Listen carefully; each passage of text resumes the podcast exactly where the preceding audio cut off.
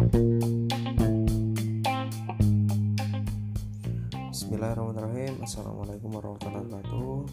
Baik lagi di podcast dengerin aja dulu. Saya Taufik Adiwijoyo. Alhamdulillah keadaan baik. Semoga kalian di sana baik-baik semua.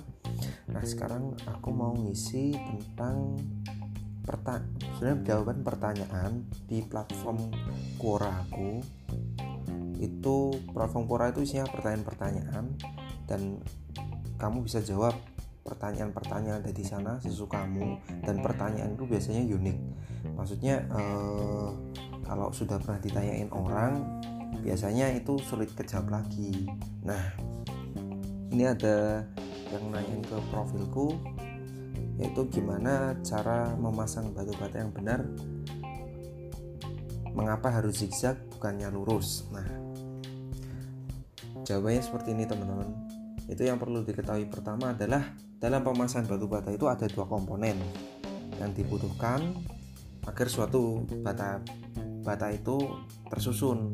Dalam hal ini tembok yaitu yang pertama batu bata itu sendiri yang kedua spesi atau campuran semen dan pasir sebagai pengikat Nah, dua komponen ini sebetulnya memiliki kekuatan dan berat mereka sendiri-sendiri, di mana berat batu bata sendiri itu lebih besar ketimbang berat spesi atau campuran. Namun, bata sendiri juga memiliki kekuatan yang jauh lebih besar dibanding spesi atau campuran tersebut, apalagi sifat spesi hanya mengikat bukan sebagai support atau pendukung. Nah, selain itu tidak ada material batuan yang kuat yang menyusun spesi, hanya campuran antara semen dan pasir saja.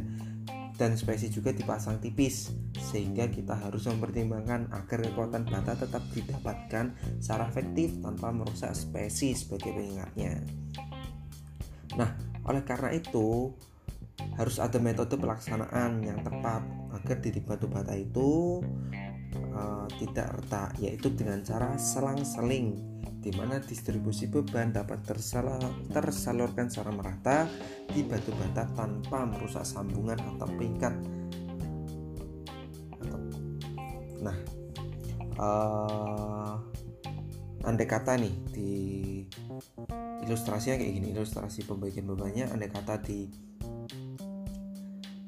dinding kamu tuh ada beban 10 kilo nah dengan beban 10 kilo itu kalau misalnya ada di bata yang zigzag itu dipasang zigzag itu zigzag atau selang-seling itu akan terdistribusi secara merata. Kan kalau zigzag kan satu lalu bawahnya ada dua lalu bawahnya lagi ada tiga seperti itu.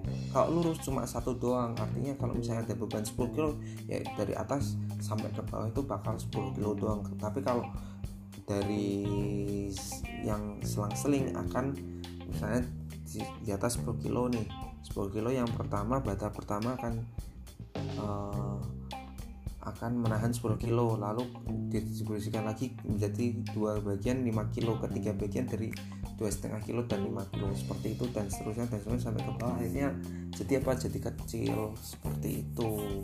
Nah dengan beban yang kecil-kecil itu akan mengefektifkan uh, data itu sebagai support untuk dinding. Nah, kalau lurus itu nanti 10 kilo itu akan terdistribusi dari atas sampai ke bawah di satu bata saja. Belum lagi ditambah tiap bata itu memiliki beban sendiri yang berat sehingga akan menimbulkan keretakan. Belum lagi kualitas spesinya ambil kata dipasang lurus itu akan menghasilkan spesies yang mudah retak sehingga kalau spesies yang retak akan membuat bata itu tidak terikat secara sempurna. Nah, itu alasan mengapa batu bata dipasang secara zigzag.